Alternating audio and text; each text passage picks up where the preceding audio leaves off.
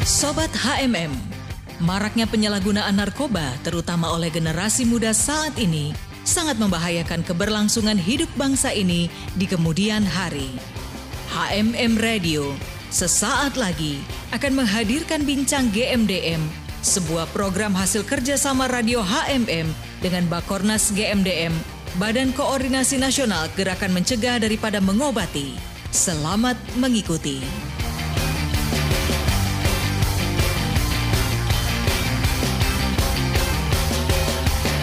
Dari kawasan Sentul Bogor, Indonesia, HMM Radio Praise and Worship in Unity. Shalom Sobat HMM di mana pun Anda berada, senang sekali Albert bisa hadir kembali dalam talkshow dengan GMDM, Garda Mencegah dan Mengobati. Dan topik hari ini membahas tentang cara mengatasi overdosis atau OD dan pengawasan rumah rehab. Untuk semua teman-teman yang saat ini sedang berjuang agar total lepas dari keterikatan penyalahgunaan obat-obat terlarang. Tetap semangat ya, terus berjuang. Sekeras dan sebesar apa pun perjuanganmu, maka sebesar itu pula lah hasilnya. Sebab hasil tidak akan pernah mengkhianati usaha. Dan ingatlah, bahwa hidup kita hanya satu kali. Hidup kita ini singkat. Karena itu, bangkitlah, terus berjuang memperbaiki hidupmu. Terus berjuang untuk hidup semakin berkenan di hadapan Bapa, sebab kamu sangat berharga di matanya. Jangan pernah mengandalkan narkoba untuk mencari jawaban dari segala kekhawatiran. Serahkan segala kekhawatiranmu kepada Tuhan, mengadulah kepada Tuhan, layaknya anak kecil yang mengadu kepada bapaknya. Utarakan semua ketakutan dan penyesalanmu. Tuhan pasti menjawab setiap keraguanmu dan Tuhan juga pasti memberikanmu lebih ya dari yang kau minta. Kita pernah salah, tetapi tidak pernah ada kata terlambat untuk memulai sesuatu yang benar. Lakukan perkara yang positif dan usahakan untuk hidup jauh dari dosa. Jadilah terang dan garam dunia. God bless. Sudah hadir via Zoom narasumber dalam perbincangan hari ini. Saya langsung saja menyapa untuk yang pertama ada Bung Barnabas Kilimandu dari tim Crown Ministry dan juga Kadif Rawat Jalan GBM. Shalom Bung Barnabas. Ya, salam sobat HMM Radio di mana pun berada hari ini. Puji, Puji Tuhan, Tuhan sehat selalu nih Bung Obed. Sehat selalu ya Bung, Bung Barnabas. Gimana kabarnya Bung Obed? Puji Tuhan sehat juga nih Bung Barnabas. Oh iya iya. Bung Barnabas juga ya, keluarga juga iya, sehat iya. selalu. Sehat-sehat selalu. Puji Tuhan. Iya, kemudian tidak sendirian Bung Barnabas, ada juga Kadif Perawat Inap GMDM. Saya langsung menyapa saja ada Mas Bambang Santoso. Apa kabar Mas Bambang? Shalom, kabarnya luar biasa hari ini Bung Obed. Gimana Wah. kabar pemirsa semuanya? Wah, luar tentunya biasa ya. Hmm, tentunya semuanya semangat. Tetap Dan, semangat. Betul sekali Mas Bambang.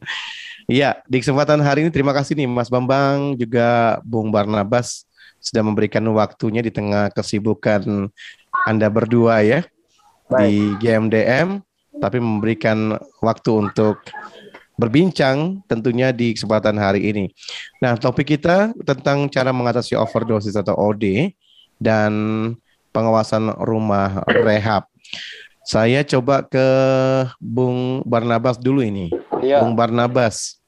Nah, sebelum kita jauh berbincang ini, kita awali dulu dengan yang satu ini pertanyaan overdosis ini apa sih sebenarnya, Bung Barnabas? Ya, uh, kalau bicara uh, overdosis ini sebenarnya uh, ketika seseorang menggunakan obat-obat uh, terlarang uh, yang berlebihan gitu. Jadi uh, hmm. penggunaan obat-obat ini sudah di luar uh, sudah berlebihan seperti itu Bung Obed. Jadi mengakibatkan seseorang itu bisa overdosis. Jadi pemakaiannya itu meningkat gitu. Jadi pemakaiannya lebih meningkat hmm. lagi. Akhirnya uh, secara tubuh ini udah nggak bisa ini lagi udah nggak bisa terkendali lagi gitu. Jadi hmm. karena kelebihan dia memakai, jadi bisa mengakibatkan overdosis seperti itu, Bung Obed. Iya. Bagi seorang pemakai ini penyebabnya apa sampai mereka apa memakainya sedangkan memakai sesuai takaran aja itu dilarang. Apalagi Iya. overdosis begitu ya. Betul, betul, Ini betul. apa yang menyebabkan sampai mereka harus melakukan yang ber- eh, menggunakan secara berlebihan ini barang haram Iya. ini? Ya, biasanya seseorang sampai menggunakan berlebihan ini ya mungkin eh, biasanya kan orang memakai narkoba itu ada ukuran-ukuran, ada takarannya gitu ya, Bung Ogot ya. Yang pada akhirnya eh, seseorang bisa overdosis itu ya mungkin eh, bisa juga karena ya mungkin ingin mencoba gitu ya. Mungkin Hmm. yang tadinya dengan takarannya seperti ini, ah biasa-biasa aja gitu mungkin ya tapi pada akhirnya wah dia mau pingin lebih lagi gitu kan seperti apa gitu akhirnya memacu lagi buat dia untuk menggunakan eh, dari yang seharusnya nggak boleh eh, yang seharusnya berapa gram aja gitu kan tapi Hmm. eh, sampai melewati dari seperti itu Bung Obed melewati semuanya itu Iya. Jadinya overdosis. Nah, kalau misalnya overdosis gitu, apa yang harus dilakukan gitu untuk mengatasi supaya eh, pemakai ini bisa tertolong gitu, Bung Ya. Barnabas? biasanya eh, keluarga ini para keluarga biasanya yang biasanya mengantarkan anaknya atau eh, yang biasa yang ke- yang menggunakan narkoba gitu. Kalau kami biasa di game dem itu biasanya harus det, eh, detoksifikasi gitu, detox Hmm. gitu, Bung Obed. Detox ini eh, artinya dia masuk ke ruangan ruangan gitu tanpa dikasih obat-obatan. Nah, memang pada saat itulah ketika di detox seperti itu dan memang untuk eh, yang bagi pemakai ini akan merasa suatu berbeda gitu ya artinya dia harus menahan gitu ya menahan rasa uh, memakai obat-obatan dan ini memang nggak mudah buat si pemakai ini ketika ada di ruang det di detox itu Bung Obed Oh, begitu ya. Jadi Iya. ruang detoksifikasi, benar ya? Iya, betul, betul. Jadi Iya. ini memang reaksi yang akan dirasakan itu cukup menyiksa, cukup menyiksa bagi si pemakai ini ya. Nggak Hmm. mungkin badan terasa sakit. Nah, eh, ya di situ. Jadi di samping itu juga pecandu akan merasa tertekan karena tidak ada asupan obat penenang yang dikonsumsi Hmm. gitu Bung Obed. Biasanya itu Oke. karena kalau ya di tempat-tempat rehab yang lain mungkin ada dikasih untuk obat gitu ya. Ada kalau tapi kalau kami di game game itu ketika detox udah nggak ada lagi dikasih obat atau rokok pun gitu kan. Biasanya kan kalau rehab tempat rehab yang lain kalau detox itu dikasih dulu rokok lah gitu kan. Kalau tapi Hmm. di game game nggak dikasih rokok atau Hmm. obat-obatan untuk membantu dia gitu ya, obat-obatan medis gitu Hmm. Bung Obed. Iya, iya. Cukup menarik ini, eh, Bung Barnabas. Saya coba ke Mas Bambang. Mas Baik. Bambang, itu tadi eh, Bung Barnabas sempat menyebutkan Mas eh, tentang detoksifikasi, ya kan? Ya.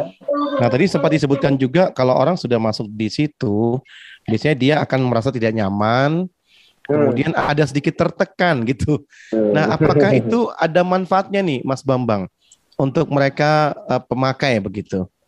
ya akun ini? kalau ya sesiapapun yang diarahkannya ke eh, det- apa ke ruang isolasi mandiri yaitu eh, untuk menjalin program awal program detoksifikasi.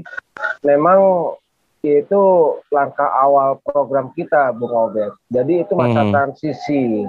Masa transisi seseorang yang eh, penggunaannya sudah melebihi takaran yang eh, yang digunakan. Dan juga secara fisik imun tubuh seseorang kan terbatas. Iya. Jadi kalaupun imun tubuh seseorang itu drop, low, eh, dia mengkonsumsinya lebih banyak, itu bisa mengakibatkan overdosis. Kalau untuk pemakaian eh, morfin itu ya, untuk kutau dengan cara mensuntik.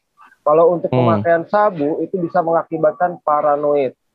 Paranoid itu halusinasinya tinggi, dia bisa mendengar, eh, bisa terdengar suara-suara yang apa yang ada di pikirannya dan di kupingnya sendiri seperti itu. Jadi kalau Hmm. Halusinasi mungkin ya. halusinasinya Iya, tinggi. halusinasi. Yaitu namanya paranoid.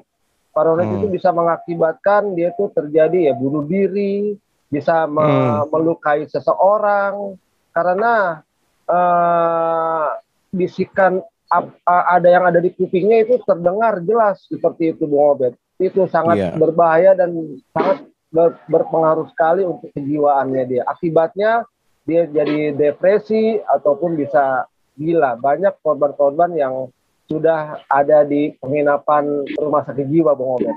Hmm. Karena overdosis, jadi eh, memang akhirnya seperti itu ya. Kalau tidak mati, Iya. larinya kalau ke situ ya. kalau kalau tidak rehabilitasi eh, rumah sakit penjara atau mati. Mati itu bukan dalam arti mati eh, fisik tapi mati pikiran. Kalau dia mengkonsumsinya putau dia bisa mengakibatkan overdosis atau obat-obatan terlarang daftar G. Hmm. overdosis itu dia bisa mengeluarkan busa bisa waktu dia fisiknya dia tuh nggak nggak nggak fit dia tuh belum makan tapi dia mengkonsumsinya mengkonsumsinya banyak. Ya namanya sifat manusia kan nggak ada cenderung bisa eh, cukup Bung Hmm. Iya justru dia eh, kepengen lebih dan lebih lagi bertemu dengan dimensinya dengan di alam di luar Hmm. pikirannya Iya, Nah, iya. itu tapi tapi tanpa dia sadari itu akan mengakibatkan eh, jiwanya terancam Hmm.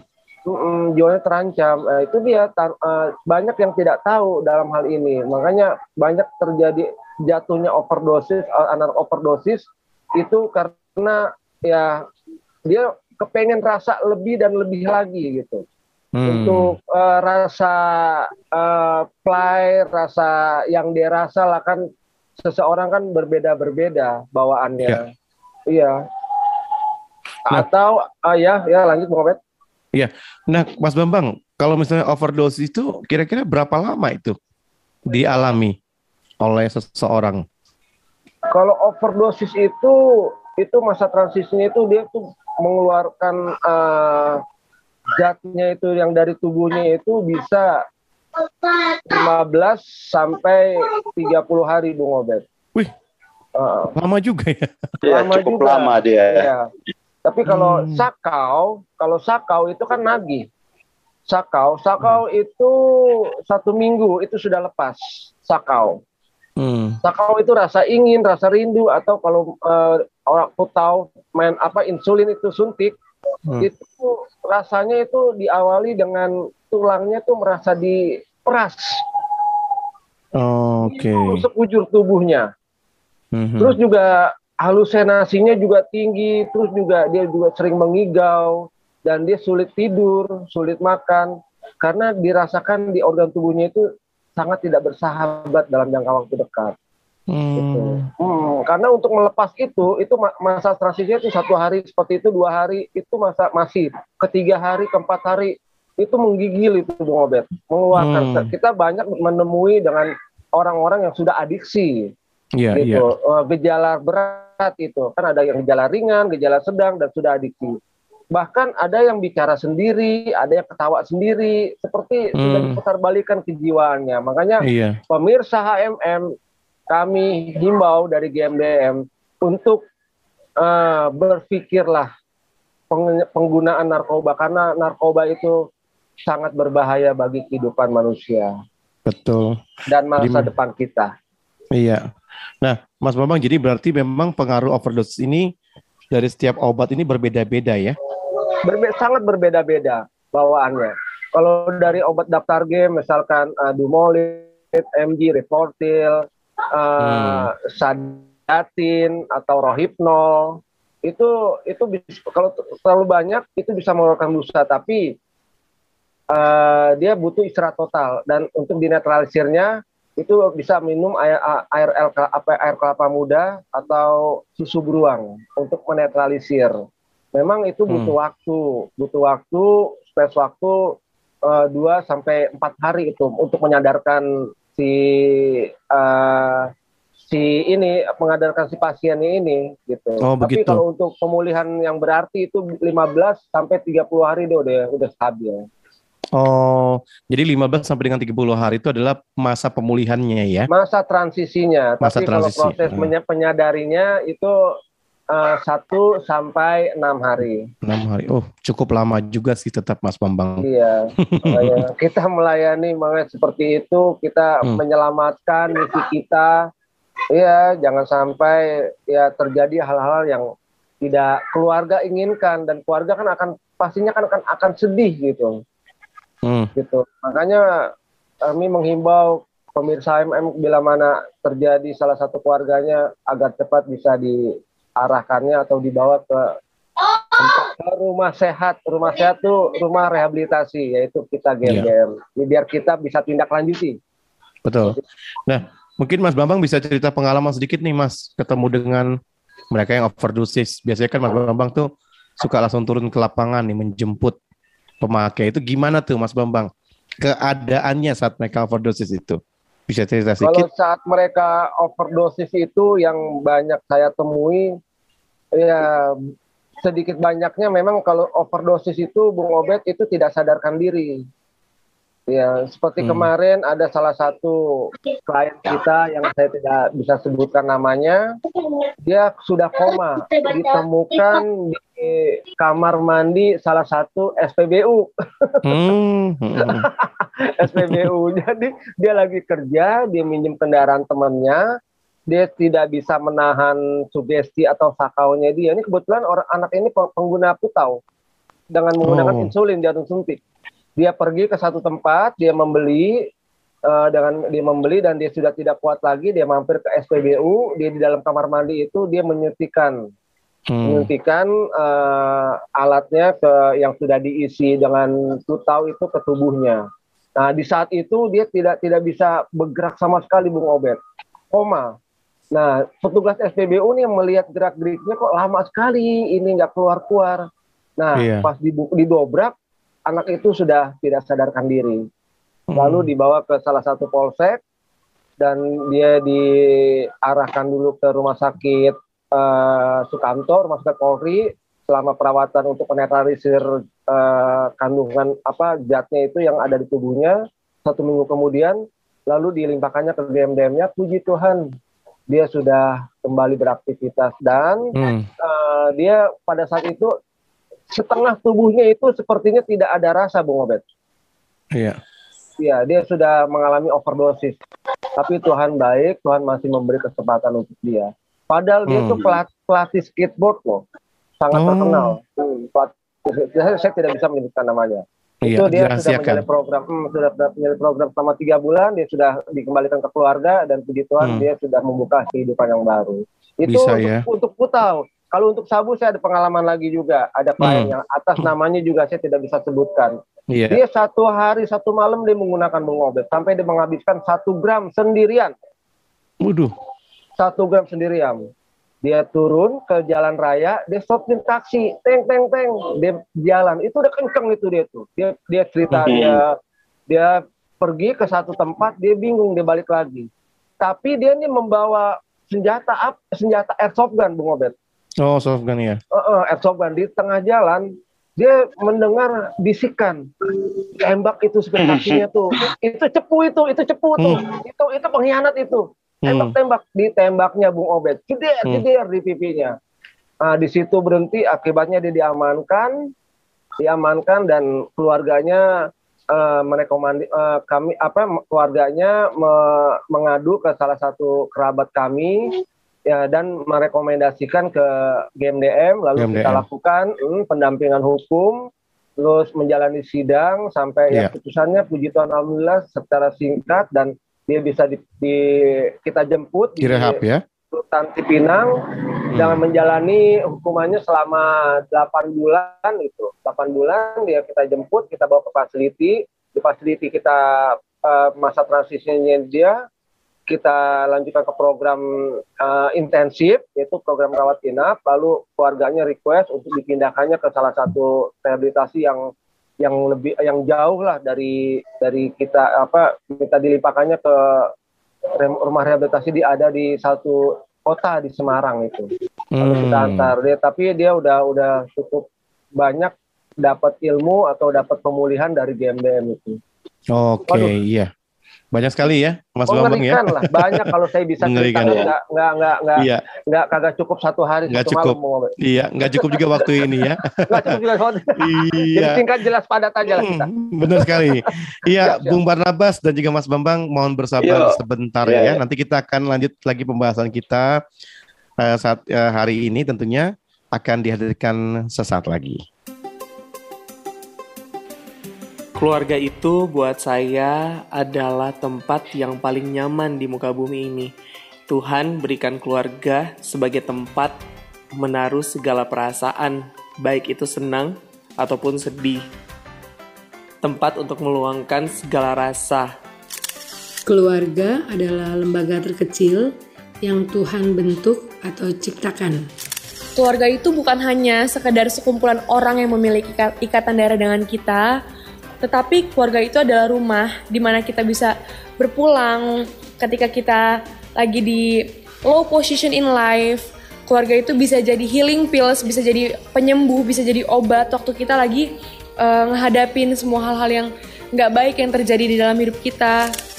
Keluarga menurutku adalah suatu ruang atau tempat di mana bisa bebas melakukan apa pun atau berekspresi seperti apa tanpa adanya diskriminasi atau judgement terhadap kita.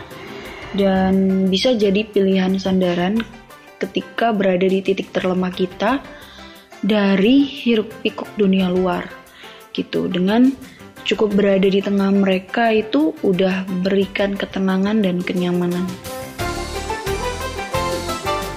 KMM Radio Praise and Worship in Unity masih bersama dalam talkshow dengan GMDM. Sahabat masih terus menemani Anda bersama narasumber kita ada Bung Barnabas dan juga Mas Bambang. Tadi panjang lebar sudah diceritakan tentang overdosis eh, pemakai dan memang cukup menarik ya.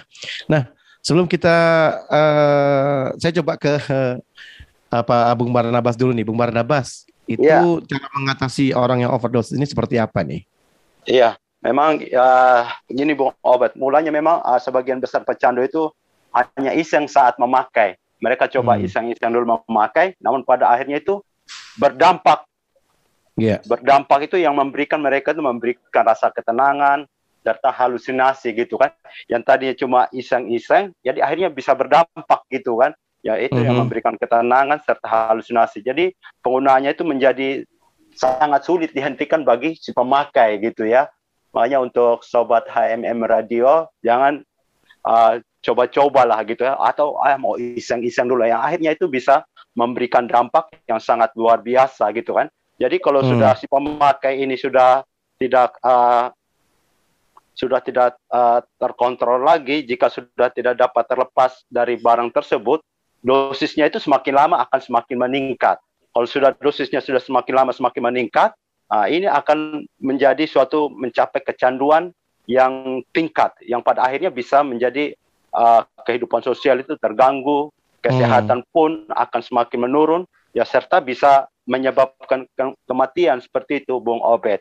Jadi memang ah, untuk ah, ciri-ciri dari pemakai narkoba ini ya secara fisik itu bisa kita lihat dari uh, ke- seperti kesadaran berkurang, kesulitannya ber, kesulitan bernafas, mengalami gangguan fisik baik psikologi uh, serta itu juga bisa kejang-kejang ya karena overdosis gitu.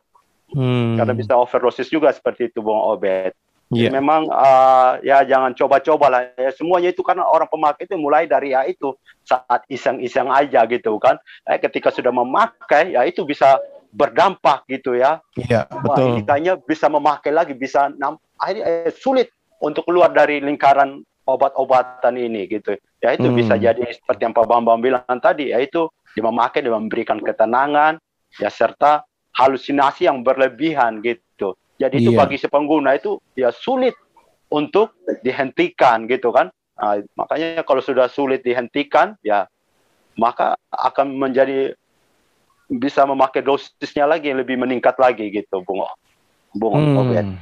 Iya, jadi Seperti itu, memang Bung Obed. bahaya sekali dengan penyalahgunaan narkoba ini bahkan bisa membuat orang overdosis. Ya kalau masih bisa Iya. selamatkan, tadi dikatakan bisa sampai direhab ya. ada Iya, yang nolong itu. dan direhab. Tapi kalau misalnya tidak terselamatkan ya ujung-ujungnya dua kali satu. Iya betul betul itu. Oh, kalau udah overdosis ini, waduh udah pema- pemakainya udah sudah sangat luar biasa lah itu ya. Hmm, iya Bung Barnabas.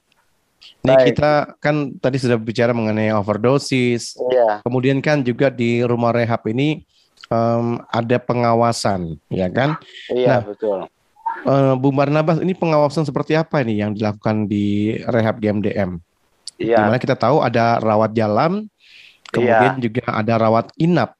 Nah, Iya. apakah dua-duanya Iya. itu dilakukan pengawasan? Nah, coba Iya. jelaskan dulu. Memang di kalau di rehab GMDM ini memang ada pertama itu kita lihat dulu uh, si pemakai ini sejauh mana dia memakai gitu. Misal pemakai yang berat, wah ini harus direhab dulu gitu kan. Kalau misalnya baru yang pemula ini, yang baru pemula, baru pemula pemakai ini biasanya di rehab berapa hari dulu ya, rehab berapa hari dulu, nanti baru bisa dirawat jalan gitu ya. Memang ini ada juga tergantung permintaan dari keluarga sih. Dari keluarga misalnya mintanya kalau biasa program rehab itu kan tiga bulan. Ah, dari keluarga juga biasa minta oh, untuk nambah lagi bisa eh, berapa bulan lagi. Misalnya ini si pemakai yang sudah pemakai berat lah gitu ya. Dan pemakai berat ini ketika ada di rumah rehab ini tentu harus ada kegiatan-kegiatan yang harus ada di rumah rehab seperti itu. Karena kegiatan-kegiatan ini eh, membuat juga si yang si pemakai ini untuk eh, kadang bisa orang itu bisa ketika kalau nggak ada kegiatan bisa bingung gitu ya.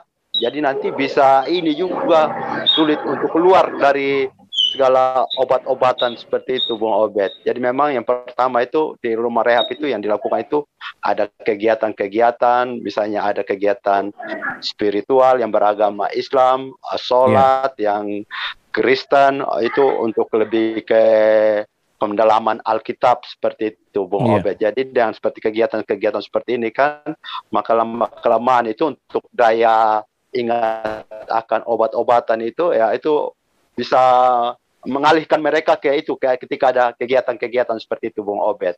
Iya. Oke, Bung Barnabas. Nah, saya coba ke Mas Bambang nih. Mas Bambang, apa sih yang diawasi di rumah rehab ini? Apakah perlu diawasi mereka ini? Kan sudah ada apa namanya? Udah ada aturannya di dalam. Apakah masih Iya, tetap iya. diawasi? Oh, selalu pasti itu program secara intensif. Karena Hmm. pengguna itu otaknya sudah terkontaminasi sama zat psikotrotika atau zat apa pun yang digunakan, itu cenderung manipulatif, Bang Obed. Mhm. Hmm, cenderung manipulatif. Kalau kita di GMDM itu benernya dia, benernya dia aja nih kita tidak boleh percaya. Oh gitu ya? Iya, betul. Oh, makanya tegas harus juga. diawasi, makanya harus diawasi eh, secara detail gitu untuk eh, kita juga kan program kita TC ini Bung Obed terapi community. Jadi kita Hmm. juga di situ juga ada eh, apa daily daily activity, daily activity Iya. setiap setiap harinya dari hari Senin sampai hari Jumat itu mulai dia membuka mata sampai dia menutup mata seperti itu. Memang Hmm. kalau pengguna ini memang cenderung harus ada kegiatan untuk mengalihkan eh, perhatian, untuk mengalihkan perhatian dan di rehabilitasi kan tentunya kan komunitasnya kan komunitas sehat nih Bung Obed. Iya. Nah, di situ juga kita juga adakan edukasi, kita juga ada ada sesi kelas untuk apa itu narkoba, bahaya narkoba, tentang uh, ba- apa ketergantungan narkoba atau dampak narkoba dan kita juga ada host meeting juga kalau malam ada keluh kesah apa nih yang kamu rasakan nih? Salah satu nih satu-satu tuh di, di dikte tuh dengan PM-nya tuh program manajer di sana. Hmm. seperti itu Bung Obed. Jadi memang kita tuh berawal kan eh, dari keterbukaan Bung Obed. Kejujuran itu awal dari pemulihan. Iya. Uh, dan dari di samping itu juga kan perlu peran serta keluarga dalam hal ini. Setiap hari Jumat itu ada uh, uh, phone family gitu. Itu waktu Hmm. untuk menelpon keluarga. Gitu. Hmm. Dan sebelumnya kan kita keluarga juga kita harus coaching dulu keluarga, jangan sampai keluarga juga terbawa suasana atau jangan mengiyakan atau meluluskan permintaan karena si residen ini yang sudah menjalani program rawat inap ini cenderung dia tuh bisa mengadu domba loh. Iya, mengadu domba dan memang uh, Oh. sebetulnya residen ini sebetulnya tidak betah karena ya sebetulnya di rehabilitasi nggak ada yang yang serba ada kan Bung Obed, semuanya kan Iya. keterbatasan Hmm. gitu. Keterbatasan kita kan di situ nggak ada toleransi sama zat apa pun juga, Mm-mm. apalagi sama rokok. Karena rokok kan uh, segmen kita kan adalah pintu gerbang dalam penyalahgunaan narkoba. Dia bisa Hmm. menimbulkan sugesti, bisa bisa kecanduan, begitupun juga narkoba. Seperti itu Bung Obed. Jadi Iya. dari support keluarga dari hari hari Sabtunya, ah kunjungan keluarga itu. Nanti keluarga, ini kan pemulihan itu kan disertai dengan keluarga Bung Obed. Tanpa disertai dengan peran serta keluarga, nggak akan terjadi pemulihan. Biarpun dia 100 kali direhabilitasi juga. Hmm. Jadi itu masuk dalam eh, program-program yang dihadirkan GMDM ini juga merupakan pengawasan yang tepat ya Iya. untuk membuat mereka yang direhab baik rawat inap maupun rawat jalan bisa sesuai dengan apa yang diinginkan. Begitu Iya, ya. Kalau iya baik kalau rawat jalan itu memang setiap klien yang kita mau lanjutkan program rawat jalan memang kita kita kita lihat dulu dia tuh gejala ringan, sedang atau sudah adiksi dan kita juga panggil juga keluarga, kita bicara, kita coaching kenapa nih. Jadi mereka tuh sama-sama saling berbenah diri lah gitu. Eh, untuk ke depannya karena segala sesuatunya kan kita kembalikan kan ke keluarga atau ke istrinya dan Betul. rawat jalan itu setiap datang wajib lapor wajib kita lakukan tes urin Bun Obed Hmm, nanti ada ya. sharing ada feel, ada sharing feeling nah, itu pemulihan bisa Mm-mm. terjadi karena pengguna itu sebetulnya tidak bisa disembuhkan Bung Obed karena Iya. kan dia kan tidak ada penyakit medis tapi pengguna itu bisa dipulihkan dengan salah satunya peran serta keluarga dan peran serta dari petugas rehabilitasi Iya, gitu. iya, karena iya. di situ eh, zat itu sangat jahat dan kalau eh, dia sudah otaknya sudah terkontam- terkontaminasi sama zat apa pun juga itu cenderung seperti egois atau memanipulatif itu akibatnya ya yang saya pernah disebutkan sama Bung Obed sebelumnya saya siaran itu ada 7 B kan Bung Obed inget kan Hmm, Bengong, betul. bego, bolot, Bego, bolot, bodoh ujung-ujungnya Mm-mm. barang-barang pada hilang barang hilang, iya. Hmm. Memasak pakai kompor, kompor gas, gasnya hilang. iya, udah malam mau, mau Iya. nutup hordeng atau hordengnya kagak ada dijual. Hmm, iya. Nah, itu dia tuh bahaya Oh, ya. Nah, iya, makanya. Iya, Karena Mas Bambang cenderungnya- menarik banget Iya, nih. Eh, Siap, siap. tapi karena waktu nih, jadi kita harus mengizinkan dulu nih untuk rehat sebentar ya, Sobat Siap. FM, Bung Barnabas dan juga Mas Bambang. Kita nanti akan Baik. lanjutkan pembahasan kita setelah yang berikut ini. Bahaya narkoba buat saya itu benar-benar high risk karena dia bisa merusak saraf terbaik dalam diri kita, yaitu saraf di otak kita dan membuat kita tidak bisa lagi fokus untuk masa depan kita. Narkoba sangat berbahaya karena bisa merusak mental dan psikis si pemakai. Dan hal itu bisa berdampak pada keluarga dan lingkungan si pemakai. Bahkan jika dibiarkan berkembang, dapat merusak satu bangsa. Bahaya narkoba sih menurutku rasa candunya ya.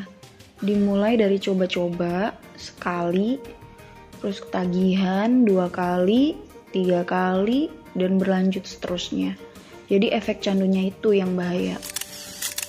dampak buruk bagi eh, narkoba itu banyak banget apalagi bagi generasi muda dampaknya tuh ada secara fisikal secara fisik eksternal maupun internal mentally atau secara pemikiran itu juga bakal ngerusak banget kayak contohnya secara fisik mata yang sayu tubuh yang kurus yang nggak sehat kemudian punya pemikiran di mana pemikiran mereka nggak normal karena banyak banget syaraf-syaraf otak mereka yang rusak akibat zat adiktif tersebut gitu.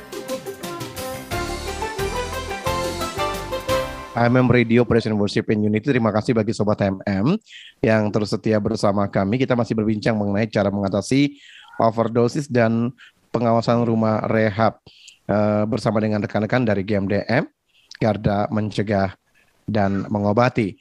Ya, tadi sudah Mas Bambang jelaskan mengenai ya hal-hal yang dihadapi ya bagi Ya. mereka yang direhab dan juga cara mengatasi supaya mereka itu tetap diawasi dengan program-program yang ada di rumah Ya. rehab di MDM.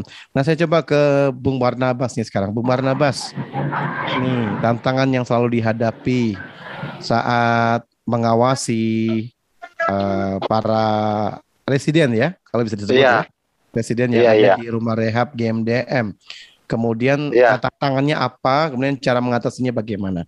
Silakan, Barnabas. Memang untuk tantangan yang ada untuk direhab ini kadang ya mereka ini yang pemakainya udah sudah sangat luar biasa, apalagi kalau lagi masuk dalam uh, ruangan yang yang di ruangan khusus buat pemakai yang berat ini kadang itu tantangan itu ya mereka kadang suka teriak-teriak karena mereka karena kalau udah masuk GMDM kan nggak ada rokok nggak dikasih obat-obatan untuk mengurangi rasa rasa untuk ada apa obat-obatannya. Memang kalau di GMDM kan nggak ada yang namanya kasih rokok atau obat-obatan.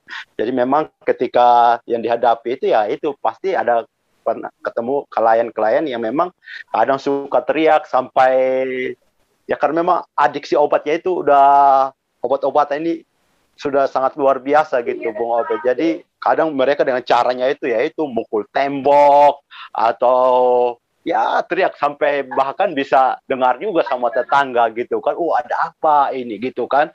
Uh, memang uh, seperti itu tantangannya Bung Obed. Jadi uh, yang pemakai yang luar biasa ini akhirnya ya itu jadi yang untuk yang menjaga juga di rumah rehab juga ya harus tetap uh, bersabar gitu kan mungkin baik waktu untuk istirahatnya berkurang gitu kan waktu untuk Hmm. apa pun. Jadi semuanya itu uh, untuk menolong si pemakai ini. Yang sudah pemakainya sudah sudah sangat berat gitu. Kalau yang masih pemula-pemula biasa kita sudah kasih pengertian lah buat mereka gitu kan. Iya. Jadi mereka bisa memahami seperti itu. Tapi kalau yang pemakai berat ini memang itu ketika rasa sakonya itu tiba-tiba muncul ah itu dia jadi memang susah dikendalikan bagi kita kadang Hmm. harus mengerti ya Bung Obet ya Iya. dan keberadaan mereka ini keberadaan mereka ini kita harus mengerti juga ya tapi ya Hmm. kita namanya oh, menolong menyelamatkan mereka ini gitu Betul. kalau menyelamatkan mereka tapi eh, buat kita juga yang ada di rumah rehab juga ya itu tetap melayani mereka dengan sabar gitu kan. Ya di situ juga melatih kita juga kita kan melatih kita juga yang jaga yang jaga di rumah rehab ini melatih untuk bersabar gitu kan. Hmm. Ini kadang tengah malam berisik gitu kan, mukul tembok atau memang udah banting kadang kepalanya dijedotin ke tembok gitu kan. Hmm. Karena memang ini ketagihan yang mereka minta ini kan ketagihan Iya. ini yang enggak yang nggak dicapai gitu kan. Kalau Iya. bisa kalau dikasih rokok kan masih bisa aman lah gitu kan. Hmm, Ini sama sekali bisa ya. aman. Ini sama Hmm. sekali putus kalau sudah di GMDM ya. Kalau di Hmm. tempat-tempat rehab yang lain kan paling dikasih rokok itu untuk mengamankan dia. Kalau rokok itu untuk setidaknya udah merasa tenang buat dia gitu Bung Obed. Iya. Ah, kalau di game Betul, kan putus sama sekali ini kan udah nggak dikasih rokok gitu Hmm. lagi jadi itu daya untuk mereka itu ketagihannya itu sangat luar biasa gitu Hmm. kan jadi Hmm. ya itu mereka lampiaskan dengan cara mereka marah gitu Hmm. kan wah sampai juga dulu uh, ke- uh, Pak Bamba juga masih ingat lah itu sampai tengah malam itu wah berisiknya sangat luar biasa itu jadi Hmm. memang orang-orang yang seperti ini ada penanganan khusus lah seperti itu Bung Obed. Ah, penanganan khusus memang wah kan memang itu yang saya bilang tadi daya pakainya sangat besar gitu. Dosisnya Hmm. udah besar itu Bung Obed. Kalau yang Iya. masih pemula kan masih aman lah seperti itu Bung Obed. Jadi memang Hmm. ya itu yang pertama juga yang yang di kami yang di rumah rehab juga ya memang tetap melayani bersabar lah gitu kan. Sabar ya. Ah, bersabar gitu. Ah, Walaupun eh, di tadi. Iya, Bung Barnabas tadi sabarnya sabar gitu. Ya, memang waktu untuk istirahat berkurang gitu kan. Jadi sabar gitu ya. ah, Iya. Iya seperti Hmm. itu sih Bung Obed Hmm. kalau yang kami di rumah rehab Iya, iya, iya. tapi seperti itu. Nah, saya coba ke Mas Bambang nih karena beliau ini kan yang rawat eh, ibaratnya rawat inap beliau nih yang bertanggung jawab begitu ya untuk para pemakai yang rawat inap. Nah, Mas Bambang kalau sudah kayak gitu apa yang harus dilakukan Mas Bambang supaya mereka ini tenang? Apakah kita juga ikut-ikutan teriak gitu? Atau apa bagaimana tuh? Atau kita diemin aja? Enggak, enggak. Kita, kita kita nggak diemin aja. Jadi uh, kalau ada ke, apa kita banyak sih mengalami yang seperti itu ya. Jadi temperamen seseorang yang sudah menggunakan narkoba, apalagi sudah adiksi kan cenderung tidak stabil, Bung Obet. Hmm. Itu sudah stabil dan dia juga kan menginginkan apa yang diinginkan, tapi nggak terwujud gitu. Ya hmm. akibatnya ya, betul. Uh, hawa hawa timbul emosionalnya tinggi, uh, emosionalnya timbul dah. Jadi uh, jadi marah gitu kan. Jadi marah. Ya yang kita harus lakukan sama dia ya satu ya memberi ketenangan jiwanya dia. Jadi intinya kan kita di rehabilitasi itu kan hmm. uh, tempat pemulihan dan uh, mengembalikan pola hidup yang sehat dan seperti di rehabilitasi itu seperti uh, mobil tuh masuk bengkel bung obet jadi hmm. yang penyok-penyok kita las ketok atau uh, kalau orang itu ya diperbaiki. Kalau orang tuh ibaratnya nih ibarat besi yang bengkok kita lurusin pelan-pelan. Sakit juga ya, lumayan. Uh, kita lurusin pelan-pelan, tapi kan segala sesuatu kan butuh proses, butuh kesabaran. Memang kalau di rehabilitasi itu panggilan untuk melayani. Tapi kalau tidak tidak ada panggilan untuk melayani, hmm. memang susah. Gak akan yeah. bisa bertahan di rehabilitasi. Iya, jadi penanganannya itu memang ekstra ekstra sabar dan ekstra uh, perhatian lah untuk mereka. Kita bisa meredam mereka, bisa hmm. menjadi sosok seorang sahabat, kita bisa, kita juga harus bisa masuk menjadi sosok seorang bapak, hmm. bisa harus bisa masuk menjadi sosok seorang keluarganya dia. Iya. Jadi kan dia tuh merasa uh, ada yang ada yang mendengarkan curhatan dia, ada yang ada yang ada pelampiasan lah untuk dia bisa uh, mengutarakan isi hatinya dan bisa meredam kemarahan sedikit banyaknya itu. Lama-lama dia akan tenang dengan sendirinya Bung Albert. Oh begitu. Jadi responnya Mas Bambang gitu pada saat mereka lagi ngamuk gitu. Apa yang Mas Bambang lakukan? Apakah cuma diem aja dengerin? No, atau... no, no, no, no. Yang yang yang tadi saya sudah jelaskan. Makanya kan pengguna itu kan temperamennya kan nggak stabil, hmm. itu kan emosional. Iya. Yeah. Oke, kayaknya jaringan ini. Coba saya ke Bung Barnabas dulu nih. Bung Barnabas. Yuk.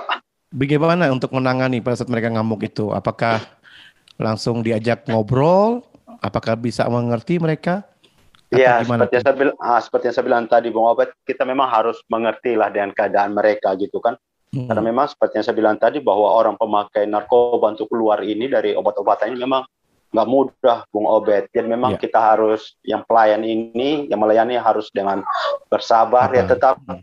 tetap uh, artinya kita hadir di dalam hidup mereka gitu kan, hmm. memberikan mereka kamu pasti kita bilang kita kasih mereka kata-kata motivasi pasti kamu akan bisa ya. Ini semuanya untuk kebaikan kamu ya. Kebaikan kamu ini hmm. ya di kamu juga ketika lagi saat ini keberadaanmu lagi mungkin uh, sudah tidak terkontrol jadi kita uh, memberikan dia semangat gitu ya. Artinya kita iya. rangkul yeah. dia gitu kan. Nah, dengan rangkul halo, inilah halo, halo. mungkin dengan rangkul yeah, ini siap, mereka Mama. rasa diterima gitu, kekeluargaan gitu. Connectingnya nggak bagus. Uh, Connectingnya nggak bagus. Uh, iya, jadi mereka Mas uh, Silakan mereka, uh, jadi mereka yeah. diterima gitu, Abung Obed. Yang pertama mereka diterima sebagai keluarga gitu kan. Yeah. Jadi apalagi kita kan pelayanan ini di Game Dev ini kan pelayanan secara rohani lah gitu ya. Artinya bagaimana kita juga supaya mereka ini diselamatkan gitu kan. Diselamatkan dalam arti yeah. supaya mereka juga keluar dari obat-obatan ini ya. Jadi nggak apa pun dia agamanya gitu. Bung Obed setidaknya kehadiran kita Game Dev ini bisa menjadi uh, berkat buat mereka gitu ya. Ya menjadi berkat. Jadi situlah ketika mereka yang yang ini yang seperti yang saya bilang tadi yang pemakai ini udah misalnya mereka marah apa ya kita harus tetap bersabar dengan ya dengan sabar lah gitu menghadapi melayani melayani melayani gitu. Iya. Uh, jadi ya, kita kan ibaratnya kita orang ketiga. Kekeluargaan hmm. sih seperti itu Bung Obed.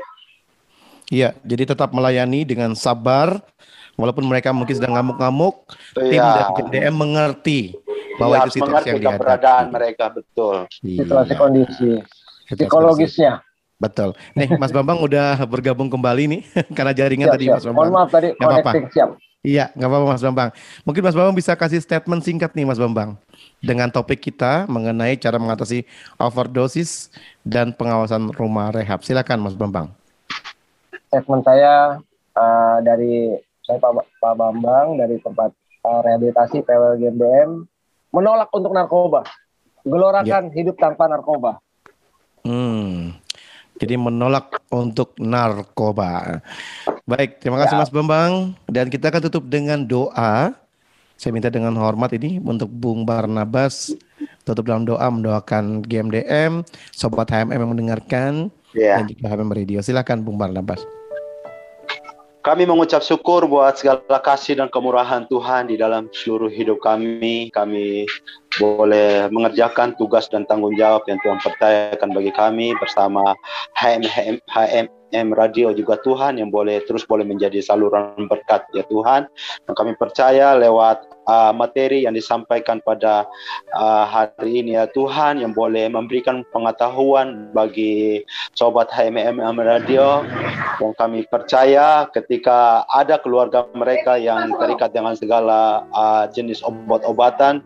Dan kami percaya uh, mereka yang mendengar juga Tuhan boleh menyampaikan Amen. kepada keluarga mereka ya Bapak dampak bahaya dari penyalahgunaan narkoba. Kami berdoa untuk GMDM juga Tuhan yang terus boleh menjadi saluran berkat dan kami percaya uh, GMDM akan um, menjadi uh, saluran berkat akan menyelamatkan generasi-generasi muda di Indonesia dari bahaya penyalahgunaan narkoba dan GMDM akan terus berkarya dan untuk kemuliaan nama Tuhan. Amen. Berdoa juga Tuhan buat HMM Radio, Tuhan yang memberkati, Tuhan yang menyertai dan terima kasih Amen. juga Tuhan untuk Bung Obed bersama Pak Salom yang sudah uh, memberikan waktu mereka juga yang terus boleh berkarya Amen. di HMM Radio. Yeah. Tuhan memberkati mereka ya Bapak. Terima Amen, kasih Bapak. Tuhan untuk segala kasih setiamu dan kami serahkan seluruh keberadaan kami Tuhan memberkati seluruh uh, sobat HMM Radio dan yes. kami semua juga.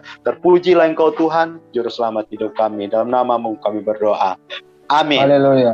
Amin. Amin. Baik, terima kasih Bung Barnabas. Terima kasih juga Mas Bambang buat Baik. waktu dan kesempatannya.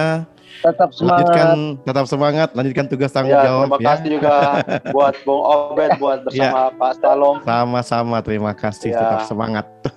ya. Oke, baik. Sobat HMM Anda telah mengikuti perbincangan dengan GMDM Garda Mencegah dan Mengobati dengan topik cara mengatasi overdosis atau OD dan pengawasan rumah rehab. Informasi tentang GMDM dapat menghubungi di 021866 15552. 021866 Nantikan perbincangan kami selanjutnya bersama GMDM dengan topik menarik seputar penyalahgunaan dan pemberantasan terhadap narkoba untuk menciptakan Indonesia bersinar, bersih dari dari narkoba. Sampai jumpa.